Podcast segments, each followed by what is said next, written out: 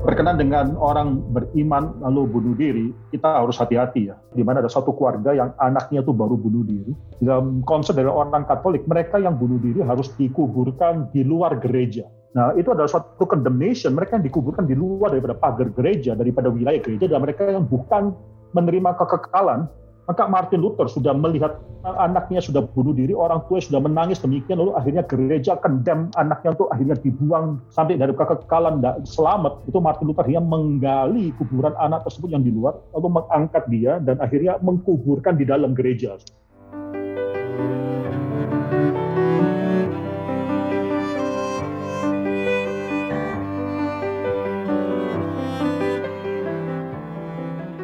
Orang beriman yang depresi lalu bunuh diri, apakah bisa dikatakan dia pasti tidak selamat?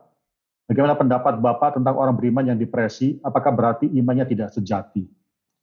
Saudara, banyak orang yang mengatakan bahwa kalau orang beriman, maka dia tidak mungkin akhirnya bunuh diri, tidak mungkin dia akhirnya mengambil nyawanya sendiri, atau tidak mungkin dia akhirnya bahkan mungkin depresi dan sebagainya. Saudara.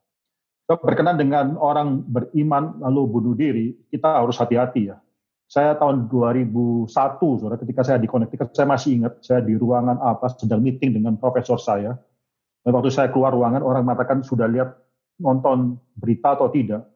Kalau saya nonton berita, dan saat itu saudara mungkin tahu 2001, 9-11, saudara, ada 11 September, itu terjadi, itu dua tower di World Trade Center di New York City itu akhirnya ditabrak oleh pesawat terbang yang di hijack dan akhirnya runtuh. Saudara. Tapi sebelum runtuh, dan itu film terus diputar-putar itu sangat mengerikan sekali orang-orang yang terbakar, orang yang kerja terperangkap, kebakar, tidak bisa turun.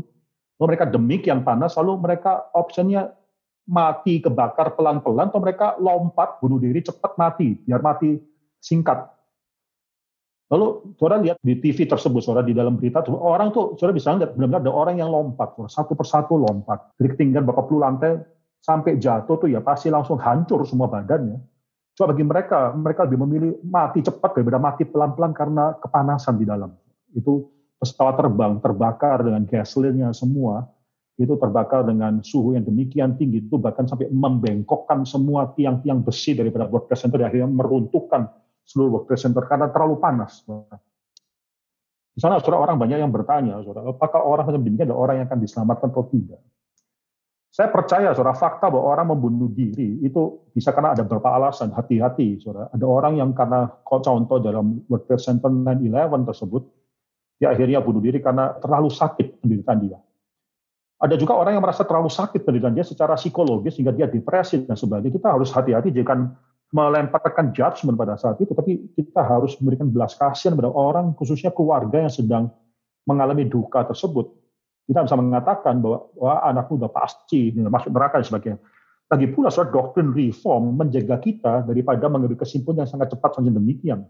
Karena pada akhirnya, saudara, bukan tindakan kita yang membuktikan bahwa kita adalah orang selamat yang bisa secure our salvation, tapi belas kasihan Tuhan. Saya percaya soal ada orang-orang tertentu yang waktu bunuh diri itu bukan karena mereka tidak ada iman. Mereka mengalami kesulitan yang saudara dan saya tidak bisa rasakan. Mereka yang depresi itu mengalami suatu kesulitan yang Mungkin kita tidak pernah tahu.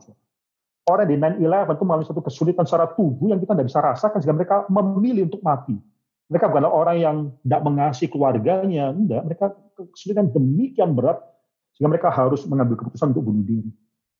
Saya dalam satu film dari film Luther, kok saya pernah lihat ya film Luther. Ada satu bagian yang sangat menarik sekali di mana ada satu keluarga yang anaknya itu baru bunuh diri. Dalam konsep dari orang Katolik, mereka yang bunuh diri harus dikuburkan di luar gereja di luar daripada pagar gereja maksudnya.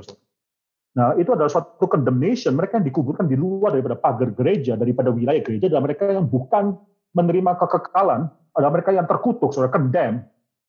Maka Martin Luther sudah melihat anaknya sudah bunuh diri, orang tua sudah menangis demikian, lalu akhirnya gereja condemn anaknya untuk akhirnya dibuang sampai dari kekekalan selamat itu Martin Luther yang menggali kuburan anak tersebut yang di luar lalu mengangkat dia dan akhirnya mengkuburkan di dalam gereja. Itu sana gereja adalah gereja Wittenberg. Jadi satu hal yang pastoral sekali dan saya rasa bukan cuma pastoral diperlukan orang tua yang relief melihat anaknya diterima oleh gereja. Itu juga theologically itu satu teologi yang benar. Karena orang yang mati mereka mungkin mati dalam Kristus. Ada satu dosa yang tidak bisa diampuni Itu dosa menolak roh kudus. Apa artinya dosa menolak roh kudus tersebut? Nanti akan dijelaskan lebih lanjut. Tapi saya percaya dosa-dosa yang lain ada dosa-dosa yang bisa diampuni dalam kelemahan, dalam kekurangan atau dalam bahkan mungkin kesulitan iman kita. Saudara. Tuhan bisa mengerti segala kesulitan kita. Termasuk apakah orang beriman bisa akhirnya depresi? Sangat bisa sekali, saudara, sangat mungkin sekali. Di sini, saudara, eh, saya berdoa supaya kita lebih bisa bukan cuma menghakimi mereka, mempertanyakan mereka, saudara, tapi kita juga bisa menyatakan belas kasihan kepada mereka.